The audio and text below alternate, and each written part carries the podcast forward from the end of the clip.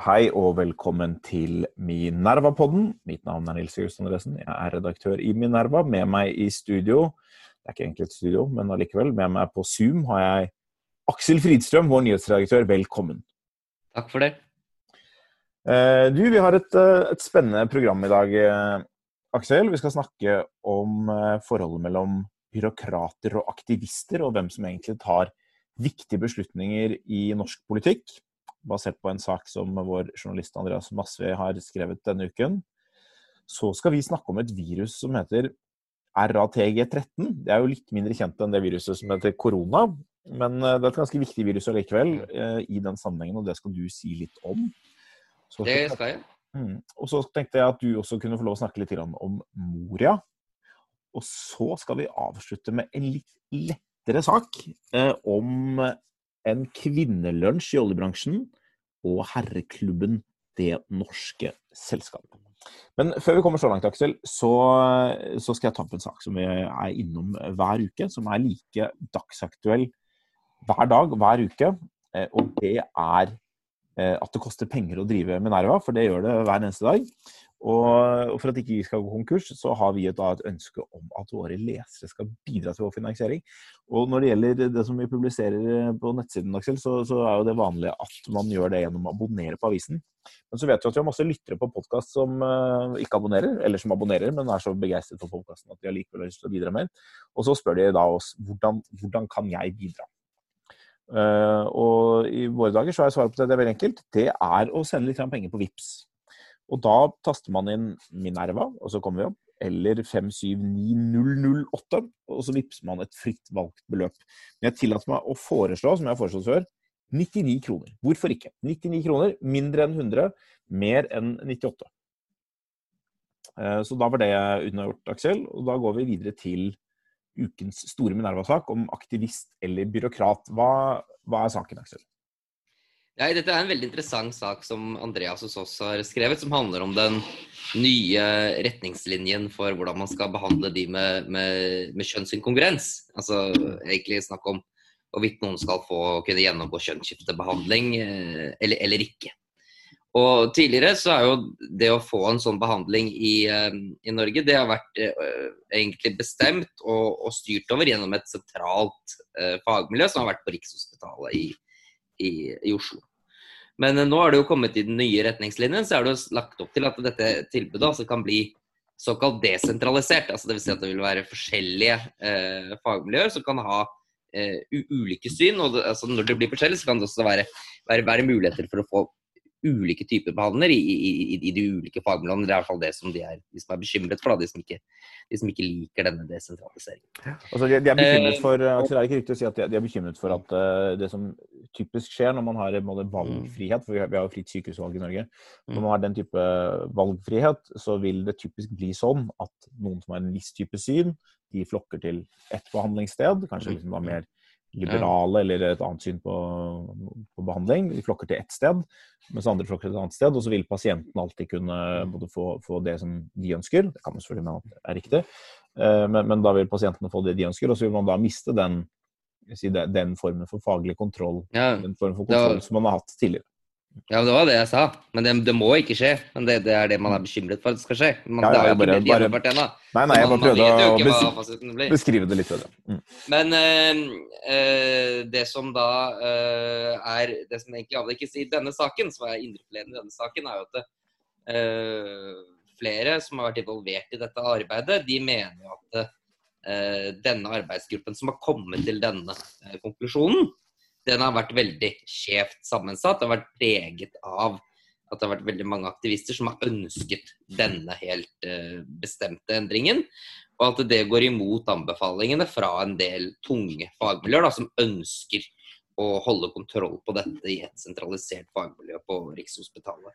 Jeg tror kanskje vi må, eh. må forklare leserne, eller lytterne to ting. Altså det, er jo, det, er to interessante ting her. Det ene er eh, hvorfor er dette så omstridt? Eh, og jeg tror for, for, for, å forstå det, så må man både skjønne hva slags type behandling det er snakk om. Altså den, den type kjønnskorrigerende behandling, årsaken til at kritikerne mener at dette må være så så nøye kontrollert, er at det er en veldig inn, det kan i hvert fall være en veldig inngripende behandling. Både kirurgisk, men også, og kanskje ikke minst, hormonelt. Med til dels irreversible konsekvenser. Både fysisk, men også da psykologisk. eller altså denne type hormonbehandlinger har jo, har jo store personlighetskonsekvenser eh, for veldig mange. Så det er på en måte alvoret i inngrepet som gjør at eh, man både frykter i veldig stor grad at eh, dersom man behandler for mye, så vil man, eh, eller for ofte, for mange, for mange så, så, vil eh, det kunne være veldig alvorlig. Eh, så all, all, behandling har en risiko for, for, for negative konsekvenser, ellers, ellers er det ikke en behandling, holdt jeg på å si. Det er ikke helt sant, men altså, for at behandling skal kunne virke, så vil den også typisk kunne ha negative virkninger eller bivirkninger. Og, og, det gjelder ikke minst en så inngripende behandling som det det er snakk om her. Eh, og så er jo tilfellet også det da at kjønnsinkongruens er en ganske dårlig forstått eh, tilstand og situasjon eh, med litt sånn uklare begreper, der det ikke er helt åpenbart det er, ikke, det er ikke, åpenbart akkurat hva kjønnsidentitet betyr. Det er, det er, ikke lett å teste for det. Mm. Det har vært en stor økning i antallet som opplever kjønnsinkongruens. Og vi vet dermed heller ikke at det kunnskapsgrunnlaget, det lille kunnskapsgrunnlaget som vi har, vi vet ikke helt om det treffer like bra for den nye gruppen uh, med pasienter, som er en, en, større og kanskje en annen gruppe, mm. enn for den gamle gruppen. For det er jo ikke sånn at alle mennesker som har samme symptomer, har mm har samme underliggende tilstand. Altså folk, kan jo, folk kan hoste fordi de er forkjølt, og de kan hoste fordi de har koronavirus, og de kan hoste ja. fordi de har uh, fått noe støv i halsen. Det er ikke sikkert de trenger samme behandling og sånn. Men, eh, men, men, kjernen i dette er vel at uh, her snakker man jo om en pasientgruppe hvor man sier at det ikke er helt samsvar mellom, mellom sinn og kropp. Ikke sant? Altså, ja, ja. Så symptomet er lignende. Og, og, da er det jo to mulige måter altså Det finnes jo to ytterpunkter i den diskusjonen. Og det er jo de som mener at uh, hvis det ikke er samsvar mellom sinn og kropp, så må det være kroppen det er noe galt med. Så finnes andre ytterpunkter, at det må være uh, sinnet det er noe galt med. Og så finnes det jo da uh, også noen, noen, mellomposisjoner, at begge deler kan være sant, selvfølgelig. Men, eller at det vil være individuelle årsaker. ikke sant? Så det kan jo være noen som ikke har ansvar, samsvar mellom sinn og kropp, hvor det er et psykiatrisk tilfelle. Og da er det jo psykologen du skal gå til, ikke sant. Mens hvis det er faktisk er slik at uh, det er i kroppen det er noe gærent, så kan du da eventuelt få en, en kjønnsskifteoperasjon. Uh, ikke sant? Og her er det jo da også veldig ofte grupper som har veldig sterke, kanskje ideologisk motiverte syn da, på hva slags type behandling uh, pasienten skal få. Og det er vel det som liksom er, er kjernen. I, i det, hvorfor det er så sterkt. Da. Så finnes det jo ja. også et syn som ikke er så opptatt av hva det er noe eventuelt noe galt med, men av hva som gjør Eh, situasjonen bedre eh, for, ja. Eh, for, personen det er snakk om. Og, men noe av utfordringen her er jo at uh, evidensen for uh, hvorvidt kjønnskorrigerende behandling gir positive konsekvenser, er, er relativt svak og, og omstridt. Uh, og det er noe av det som da skaper frykten for behandling. Nå har vi snakket litt om bakgrunnen, men, men hvis vi skal tilbake til, denne, til selve saken, Aksel, så er jo det det, det, som jeg syns er interessant i denne saken, det er at vi er vant til å tenke at det er politikere som tar beslutninger. Og så er vi jo kjent med en rekke lobbygrupper, eh, selvfølgelig. At vi vet at de har påvirkning. Mediene har påvirkning. Eh, aktivister har påvirkning. Det er vi vant til. Eh, det som er interessant i denne saken, er at den peker på en viktig maktutøver i norsk politikk som er veldig lite dekket i mediene, og det er byråkratiet. Fordi det er da kildene i denne saken hevder, som i stor grad er forstått av åpne kilder, fra FHI og fra Harry Benjamin Ressurssenter, som er en, en part, i saken. Eh, og, eh, og fra Nasjonalt behandlingstilbud på Rikshospitalet. De uttaler seg veldig kritisk om prosessen som har vært i Helsedirektoratet. Og, og hevder at enkeltpersoner i Helsedirektoratet har hatt sin egen agenda som ikke har et politisk mandat bak seg, og som har formet hvordan Helsedirektoratet har jobbet med dette, og dermed hvilket kunnskapsgrunnlag Eh, som både har kommet opp til politikerne, hvilke konklusjoner som er blitt trukket, og hvilke ressurspersoner som er blitt trukket inn. Og Det er det som gjør denne saken interessant. Synes jeg, at den viser, og det, det, er ikke det at det trenger å være illegitimt. I en viss forstand så er byråkratiet nødt til å ta, noen valg. ikke sant? Men, men, hva er det som former de valgene? og Hvor gjennomsiktige og transparente er, er, de valgene som tas? Så I dette tilfellet har denne saken vært veldig omstridt i mange år. Eh, og Dette går tilbake til, til 2010. Fikk direktoratet i oppgave å begynne å jobbe med med endringer i behandlingstilbud for denne gruppen. Og hvor det da har vært noen av de samme personene som har vært involvert hele veien og vært i konflikt med hverandre. sånn at de som har hatt det motsatte synet, altså Folkehelseinstituttet og denne ene pasientgruppen, Harry Benjamin ressurssenter, og Eh, Nasjonalt behandlingstilbud Rikshospitalet og eh, Legeforeningen og, mange andre medisinske instanser, de har vært kritiske til denne prosessen i Helsedirektoratet uten at det, og de personene som har vært involvert, uten at det har fått noen konsekvenser. Så kan man jo si at ansvaret til syvende og sist ligger jo på, si på helsedirektøren, eh, og over det igjen på helseministeren, forskjellige helseministre fra 2010 og frem til i dag, som selvfølgelig har hatt mulighet til å gripe inn. Eh, så, så, hvis man kan peke på ansvaret, så, så vil man plassere det til, til syvende og sist politisk. Men det interessante er å se eh, fra et journalistisk perspektiv at denne saken viser at, eller i hvert fall eh, har kilder som mener at veldig viktig maktutøvelse har skjedd inne i byråkratiet. Og mm. sånn, sånn, er det jo i veldig mange tilfeller, eh, men det er noe som dekkes veldig lite i mediene, og dermed blir lite gjenstand for debatt og, og, og den type kritikk som vi forventer i den politiske debatten ellers. Og, dette bekrefter jo også Bent Høie egentlig for seg i den oppfølgingssaken som vi også har med han i dag. For han peker jo også på at nå har liksom direktoratet gitt et faglig råd da, som han forholder seg til, mm. eh, og denne retningslinjen. Og da er det jo spesielt interessant da, altså, hvis det liksom har vært en slags politisk kamp i det faglige rådet. For da foregår jo liksom politikken før det eventuelt kommer til politikerne. ikke sant? Og Det er jo en, eh, en, en, en raritet og en interessant ting, liksom, hvordan det, det, norske politiske systemet fungerer. Og også eventuelt hvor mye innflytelse da, altså ulike interesseorganisasjoner, hvordan deres syn blir veid opp mot det som f.eks. er statens egne fagorganer som FHI etc. i denne prosessen. Det er akkurat det som er interessant. Så da anbefaler jeg alle sammen å gå inn og lese den saken, som har veldig mye mer stoff enn det vi har muligheten til å si her på, på podkasten. Men vi skal holde oss litt på det medisinske området, Aksel. For du har publisert en sak denne uken om viruset RATG13. Hva slags realitet er det viruset? Hvorfor er det interessant i det hele tatt for, for oss? Ja, Det er en utrolig nerdete sak, da, så det er ikke så lett tilgjengelig informasjon. Men dette RATG13-viruset, det er jo da en uh, virussekvens som er publisert av uh, Wuhans uh, virologiske institutt i februar i år. Og som er det da det viruset som, som ligner mest da, på SARS-CoV-2-viruset. Det er 96,2% identisk i, i, i gensekvensen som av enkelte vel nok betyr rundt 50 år med evolusjon. da. Så de kunne, de kunne ha skilt lag for omtrent 50 år siden, de to virusene. Og at det hadde en felles uh, stamfar. Mm, gjennom normal men, eh. Men normale, normale, mutasjoner i naturen.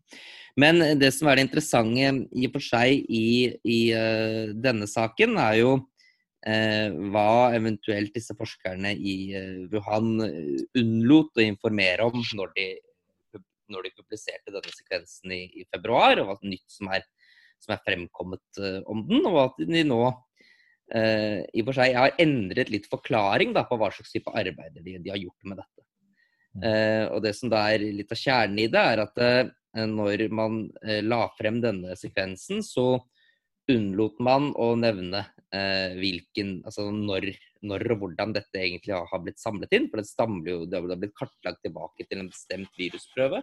Mm, som også er som det er hentet fra en gruve der hvor det var en hendelse for syv år siden. Hvor det var seks som arbeidet med å rydde den gruven, som fikk en sykdom som ser veldig, veldig lik ut som eh, de som i dag opplever covid-19, eller blitt diagnostisert med covid-19.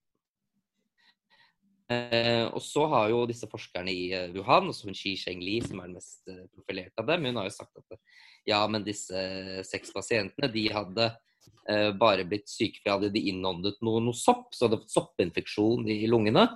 Men så har det dukket opp en, en masteroppgave fra de som behandlet disse seks pasientene, som sier at Eh, det er lite sannsynlig. Altså de, de, de skriver at uh, den av disse legene som behandlet dem, som har skrevet ned hele behandlingsloven, sier at det er veldig lite sannsynlig at de hadde soppinspeksjon. At de mest sannsynlig hadde fått et ukjent SARS-koronavirus. Uh, og det er jo i og for seg en veldig interessant observasjon, for dette vil da tyde på at uh, kineserne visste om et ukjent SARS-koronavirus for syv-åtte år siden som kun kan forårsake en covid-19-lignende sykdom. Så i seg selv er det interessant. Det andre som nå også er interessant, er jo at hun Cheng Li har jo da endret forklaringen sin på hva de egentlig har gjort med dette viruset. Hva var, det Wuhan, hva var det Wuhan sa i februar da de publiserte denne sekvensen? Hva, hva var det de sa om uh, sekvenseringen av dette viruset da? Ja, Da sa de at når de fant dette SARS-CoV-2-viruset, som de da fikk fra pasienter som hadde blitt syke med det i Wuhan, så uh, gjorde de jo databasesøk, og så fant de at det minnet veldig mye om en virusprøve på 370 sekvenser av 30 000 sekvenser. Og så valgte de da å kartlegge hele den virusprøven, og det da var RATG13-viruset. Så at RATG13-viruset først ble oppdaget eh, i eh, februar eller januar 2020, er jo egentlig det de, de først sa. Men nå har de jo endret forklaringen sin, og så sier de at eh, nei, dette arbeidet gjorde vi allerede i, i 2018. Og når vi gjorde dette i 2018, så gikk den eneste virusprøven som hadde det, i stykker. Så det finnes ikke noen eh, live virusprøve lenger av dette viruset. Det finnes bare eh, på datamaskin, egentlig. For dette har gått i stykker brukt, brukt, De brukte opp virusprøven på, på, å gjøre forsøk? De brukte opp virusprøven. Mm. Altså, den interessante forskjellen der, eh, som indikerer, er jo på en måte i det første tilfellet så ville man jo forvente at de fortsatt hadde viruset. Uh, og, og, og, kunne vise det frem. og ville kunnet vise det frem. Mens, mens den, den, nye versjonen, sånn som vi, vi, har forstått det, og sånn som de ekspertene vi har snakket med har forstått det, den nye versjonen så er det da ikke mulig å se på det. Og det er en betydelig endring. Uh, det, kunne vært mm. det kan hende det kunne vært interessant for andre å, å se på denne, dette viruset, f.eks. Ja. Så det er en interessant sak som selvfølgelig handler litt om, til syvende og sist, om, om, hvordan vi forstår opprinnelsen til, til det nye SARS-koronaviruset. Altså, vi har jo intervjuet to forskere som i hvert fall syns at dette er, ser ganske rart ut. Men man kan jo ikke vite Dette er jo ikke en sak som hjelper deg nødvendigvis å fortelle eh, akkurat hva som har skjedd. Men den eh, i hvert fall gir jo en innblikk i at det i hvert fall er noe i disse forklaringene til Burans virologiske institutt som, som, er litt merkelig, og som det ville vært en stor fordel om de kunne bidra til å oppklare da, ved å frigjøre eventuelt mer av sine egne data. Mm. Det, de vi har snakket med denne saken, er også det er eh, en amerikansk eller en kanadisk, eh, forsker som heter Alina Chan. Og så er det også den eh, som har jobbet mye med dette her og, og er opptatt av å finne ut mer om bakgrunnen for koronavirusets mm. opphav. Og så er det en norsk forsker som heter mm. Grødland. Gunveig Grødland. Gunveig Grødland, som er en, som er en veldig mainstream forsker på, på dette feltet, en virolog. Uh, håper jeg brukte virolog riktig der. Så det er en, det, det, Du hadde helt rett, Aksel, i det du introduserte dette segmentet med. jeg vil si det for våre lyttere, at Dette var en ganske nerdete sak. Eh, jeg vet ikke helt hvor lett den var å følge. Men, men, la meg da benytte sjansen til å si at hvis du er blant dem som setter pris på at noen setter seg inn i RATG13-viruset, så er det da mulig å, å vippse penger til, til Minerva for at vi skal kunne fortsette å ha denne podkasten og fortelle lytterne våre om Eh, sekvenseringen av RATG13-viruset. Men vi skal gå videre til, eh, til, hjemlige kontroverser, eller ikke akkurat uh, hjemlige kanskje, men, men Moria-katastrofen og den norske debatten om mottak av flyktninger fra Moria. For du har synspunkter også på dette temaet, Aksel. Hva mener du? Ja, jeg mener jo mye om mangt. Men uh, ja. Nei, altså Eh, nå går det jo en debatt om liksom om eh, det er riktig liksom av Norge å ta imot 50 flyktninger eller ikke, eller hvor mange skal det være, er det 50 nok og, og den type ting. Og jeg, er ganske, jeg har ikke så veldig sånn sterke synspunkter på om det er 50 eller 100 eller 49 eller eh, den type ting, men det som jeg syns liksom, den hendelsen i Moria i og for seg eh, Eller på Moria, er det i eller på Moria? Jeg vet ikke. Det er på Lesvos. I Moria. I, på øyer. I Moria høres det ut som et sted i Ringen. Ja. ja, ok. Ja, men det er på Moria. Eller i denne flyktningleiren. Det er jo eh, en, anledning kanskje til å diskutere det litt større bildet i, som, i hvordan denne asylpolitikken fungerer. For at det, eh, det som man, man nå liksom er i ferd med å gjøre, er jo nettopp at man er i ferd med å kanskje ende i en situasjon hvor man belønner ganske destruktiv atferd. Altså, for det første så er det jo ikke sikkert slik at eh, Så er jo hele asylsystemet generelt. Altså det eh, skaper veldig mange sånn som engelskmennene kaller for perverted incentives. Altså folk til å til å sette i gang en prosess hvor summen av alle handlingene egentlig ikke gjør oss veldig mye bedre rustet til, til, til å hjelpe mennesker som eventuelt trenger hjelp. Og dette blir jo veldig satt på spissen egentlig i, i denne Moria-leiren, for her er det jo snakk om at denne leiren mest sannsynlig er påtent. Av, eh, altså I greske aviser så snakker man om at det er, det er 30 afghanske menn som har vært tilknyttet denne leiren, bodd der lenge, men mens de har vært involvert i utpressing, narkotika, kriminalitet etc. Og så har jo da denne leiren fått da eh, enda strengere regimer pga. at det er eh, oppdaget koronavirus der. Og så responderer jo da disse selvfølgelig med å brenne ned hele leiren. Og det er ikke sikkert at liksom, det, den, den, beste måten liksom å, å eh, håndtere det på noe, er nettopp å belønne denne IS-påsettelsen da, med å, liksom, å, å behandle alle asylsøknadene i Norge eller i Sverige eller Tyskland eller hvor det skulle være. Samtidig så har man jo liksom kommet til den situasjonen hvor man, man, man ikke har så veldig mange andre valg. da. Altså Et eller annet sted så må man også, også gjøre av disse menneskene. Kanskje er det riktig av Norge å ta eh, 50 eller 100 flyktninger fra denne leiren, liksom. Altså det, jeg syns ikke det er, det er, det verste som kan gjøre. Men, men, det er veldig dumt om man liksom lar dette bare skure og gå i det uendelige, uten å liksom ha en, en stor systemdebatt om hvordan dette egentlig burde fungert. Og egentlig så burde det ikke fungert på den måten at folk fikk disse incitamentene til å verken dra til denne leiren eller tenne på den i utgangspunktet. Det, denne, det, handler litt om hvilke lærdommer vi da trekker av denne saken. Det, det den norske politikken nå på mange måter illustrerer, når vi nå tar imot 50, og det ville jo for så vidt illustrert det enda tydeligere ved å ta imot flere, eh, det er at eh, vi tar imot noen på, vi hjelper noen på bekostning av andre. Vi hjelper på én måte på bekostning av en annen. Nå er det veldig direkte, fordi det ligger vel til grunn her fortsatt at det samlede antallet vi tar imot skal være det samme. Så disse går på en måte fra Norges, eh, det vi har sagt at vi skal forplikte oss til av antall kvoteflyktninger, selv om dette man kan diskutere om dette egentlig er kvoteflyktninger. Men, men, eh, det går på det samme antallet. og Det betyr at vi, tar, vi kommer til å ta imot 50 færre fra andre leire, f.eks. i Libanon eller andre steder. Så kan man jo juble over at liksom, disse menneskene på Moria får hjelp, men det er noen andre da som mm ikke får hjelp. Og så kan man mm. diskutere hvem som er mest verdig trengende osv. Mm. Det er ikke vil... sikkert at de aktivistene som vil ta 1000 fra Moria, liksom tenker at det skal avkortes. Da. Altså, det nei, nei, ikke sant. Så, så, så, kunne man sagt det, ja, men da må vi ta imot uh, flere. Mm. Men, men uh, i siste instans så er måte, fasiten, eller bunnlinja, er at et eller annet sted er en grense for hvor mange mennesker det norske samfunnet, det norske demokratiet, vil ta imot. Og hvis du, også hvis du sier ja, Norge burde i stedet tatt imot 4000 eller 5000 eller 6000 eller 10 000 eh, kvoteflyktninger, eh, så, så, ville du, du ville uansett hatt den samme situasjonen, at det er millioner av flyktninger å ta av. Så på et eller annet punkt så, du, så kommer disse Noen kommer i stedet for noen andre.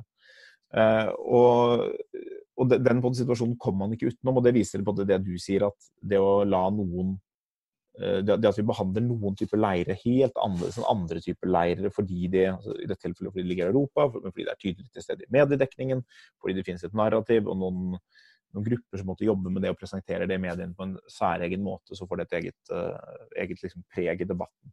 Og så kommer det også det at la oss si, Om vi skulle tatt imot 10 000, for det er en debatt selvfølgelig om vi skal ta imot 3000 eller 10 000, det er en annen debatt. fordi per nå så er fasit at det norske samfunnet er ikke eller politiske flertallet ønsker ikke det. Men om man skulle gjort det, så må man jo også da ta inn over seg hva det ville innebåret av type kostnader, og hvordan de ellers kunne vært brukt. Og det, og det er jo både den større debatten om hele, liksom, hele vårt mottak av asylsøknader og, eh, og kvoteflyktninger. At Norge jo, er blant de landene som samlet sett har tatt imot eh, veldig veldig mange flyktninger. Flere flyktninger enn mange land i, i relative nærområder. Så vi har omtrent 3% av befolkningen som har flyktningbakgrunn i Norge, som er omtrent det samme som i Tyrkia, eh, som jo er nabolandet til Syria og Irak og liksom, en region med veldig mange flyktninger. Eh, så vi samlet sett har vi tatt, tatt imot veldig mange, og kostnaden av dette er så mange milliarder at det er eh, bare den direkte kostnaden på integreringsmottak og, og sånn, og andre utgifter over offentlige budsjetter på sikt, eh, som er enda mye større, den er så stor at eh, når man ser på hva det kunne utrettet på andre områder i, på det globale migrasjonsfeltet, så er det lett å bli, nesten bli litt svimmel når man ser hvilke summer det egentlig er, er snakk om. Og Det som er synd, syns jeg på mange måter, er at det, den den debatten om hvordan et flyktningsystem eh, burde, eller hvordan vårt bidrag til den globale, globale flyktningkrisen burde sett ut, den har alltid vært veldig dysfunksjonell fordi eh, det ene synet alltid er blitt så forbundet med kall det rasisme, eller i hvert fall med, med Frp osv. At man har ikke fått noen rasjonell debatt om hva som egentlig er, gir best hjelp. Så man har på liksom, hjelp dem der de er. Det er blitt et slags skjellsord som forbindes med en hjerteråhet hvor man ikke ønsker dem her. Og Det kan jo ofte være selvfølgelig, det, det, det kan jo hende at det av og til er motivasjonen for dem som invitert for det, men, men, det betyr ikke at det, det er ikke dermed sagt at det er et dårlig argument.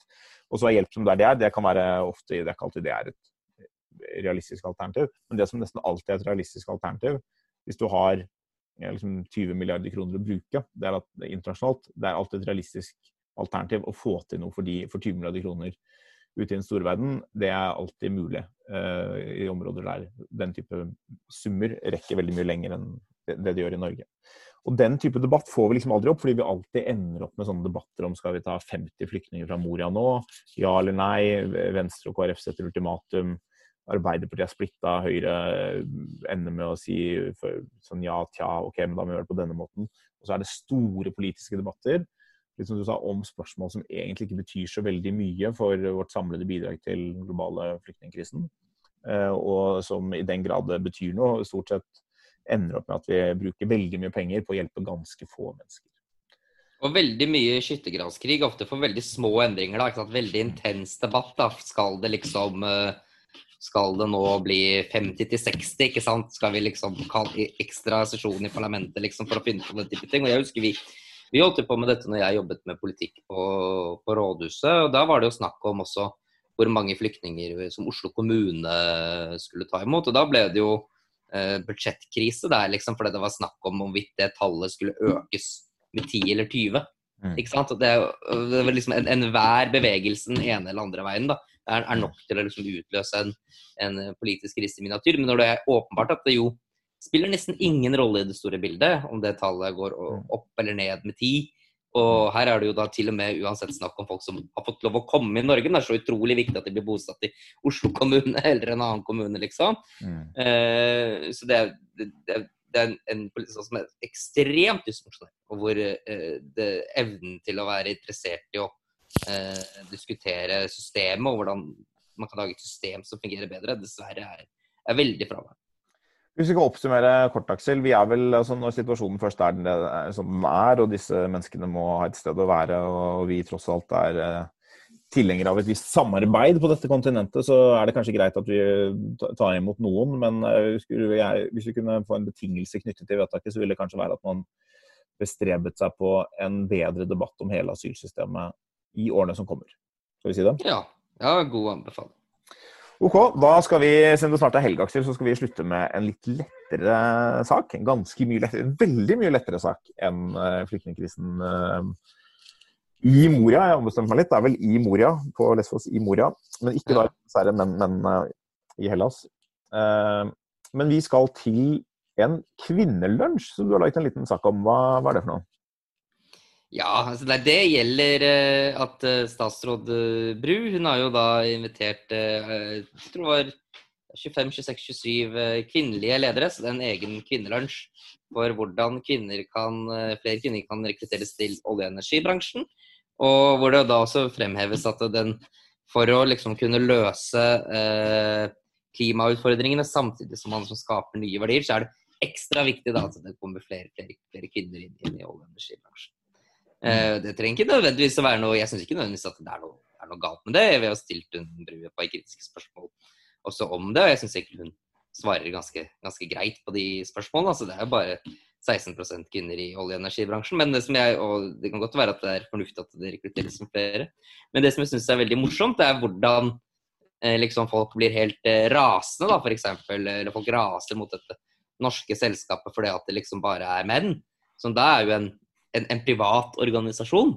Mens det er veldig få som liksom er interessert i å problematisere f.eks. at man i, i, øyemed av staten da, liksom benytter eh, kjønn som et eksklusjonskriterium. Altså jeg synes Det er mye mindre problematisk at et privat selskap har kjønn som et eksklusjonskriterium, enn at staten benytter det.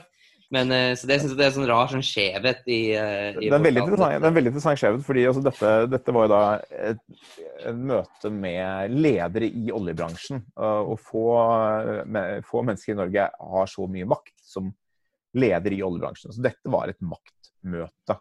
Der kvinner møttes for å på en måte snakke om hvordan uh, man kan rekruttere kvinner. Og Tina Bruder svarte selvfølgelig bra for seg, hun. Hennes argument var Eh, hvis evnen er likt fordelt, så blir det ting bedre hvis vi får flere kvinner inn. Og hun var mest interessert i å høre kvinnenes erfaringer. Men eh, allikevel så er det sånn at hvis, hvis, man tenker seg at dette møtet faktisk utøver makt, eh, også om det handler om spørsmål om hvordan man skal rekruttere kvinner Hvis det utøver makt, så er det interessant at man i en offentlig sammenheng ekskluderer en, en stor gruppe basert på kjønn. Men det som er interessant med det norske selskap, er Uh, det, er litt som, som, Irak og Saddam Hussein og masseødeleggelsesvåpenet. Uh, skal forklare hva jeg mener med sammenligningen. Kanskje ikke, kanskje ikke helt intuitiv. Det er at kritikerne de, de, er veldig sånn Det norske selskap er en maktinstitusjon med hemmelige nettverk hvor, folk, uh, liksom, hvor det bare er rike, mektige menn, og, de, og, kvinner får ikke være med. Det er hvor makten utøves. Jeg ser sånn Isabel Ringene, som er en ung kvinnelig leder, arving bl.a. blant annet uh, liksom uttrykt dette at det er, uh, her er det rike mennesker med makt, og, kvinner er ekskludert. og det, det, er veldig problematisk, for det er en, maktinstitusjon. Og, og, det er det jo ikke i det hele tatt. Er jo, jeg er ikke medlem der, bare for, for å ha sagt det, men, men, i likhet med mange så har jeg jo vært av og til på, på lunsjer der. Og det er jo først og fremst et sted hvor folk inviterer folk for å spise lunsj i hyggelige lokaler. Altså det, det, man, det, er tilgang til et hyggelig lokale. Det er jo ikke et nettverk som sådan eller et det er, jo, det er, jo, pensjonister som vil komme vekk fra kona si etter 50 år med samboerskap. Ja, det er, det, er en, det er, en, måte å, å, si det på. Eh, noen litt yngre mennesker også. Men, men det er jo ikke sånn Dette er litt sånn forestillingen om Frimurlosjen hvor folk har en slags hemmelige, spesielle bånd som gjør at man er veldig knyttet til hverandre og på en måte introduserer hverandre for mektige nettverk og gjør hverandre tjenester osv. Det er jo helt forfeilet i denne sammenhengen. Det er, det er en soseklubb av av gamle, rike mennesker. Så noen av dem individuelt har makt, selvfølgelig, men, men ikke via det norske selskap. Men i stedet for å Det, det her da sammenligningen med Saddam Hussein kommer. Han ble også anklaget for å ha disse, ha disse våpnene, disse mektige våpnene, masseødeleggelsesvåpnene. I stedet for å avkrefte det, så, så var han liksom sånn han ville ikke si så mye om det, ikke sant? for han ville, at, han ville, gjerne at folk skulle tro at han hadde denne type våpen, fordi det ga ham jo status.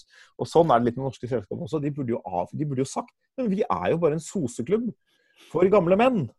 Eh, vi utøver jo ikke noe makt. Vi sitter her og drikker te og spiser rekesmørbrød og liksom gammeldags mat i flotte lokaler, men vi gjør ikke noe skade. Eh, men, men, det får de seg ikke til å si, for de har jo, har sånn selvbilde. ikke sant? At det er en ærverdig klubb som har lange røtter og er en institusjon i det norske samfunnet osv. Uh, men dermed åpner de seg også opp da, for denne kritikken om at det er et, uh, et maktnettverk som, uh, som, ekskluderer kvinner.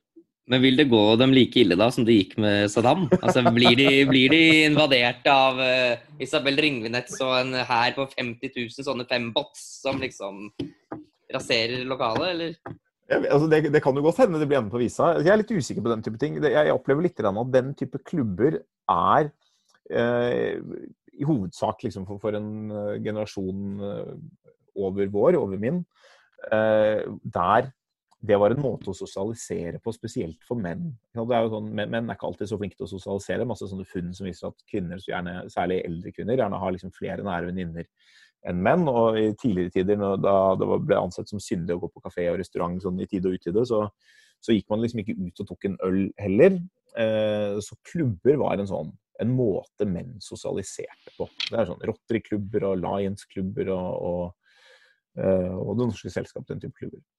Eh, så jeg, jeg, tror kanskje, jeg frykter nok kanskje litt på vegne av, Det Norske Selskapet at hvis, hvis man liksom endrer karakteren til klubben helt og, og sier her skal det være åpent for alle, liksom, så, så kan det nok hende at man bare slutter å bruke det. fordi det er jo en anakronisme på alle mulige måter eh, ellers. Eh, så hvilken funksjon det ellers skal ha. Så da blir det jo bare altså, det blir jo leie tilgang til et hyggelig lokale, selvfølgelig. Noen, noen vil gjøre det. Men, men, det er ikke sikkert at det norske selskapet overlever altså, Dilemmaet er det er ikke sikkert det norske selskapet overlever å ta inn kvinner. Men det er, det er slett ikke sikkert de overlever uh, uten kvinner heller. Eller det er ikke sikkert de overlever i, i noe fall, fordi det på mange måter er en, en uh, anakronisme.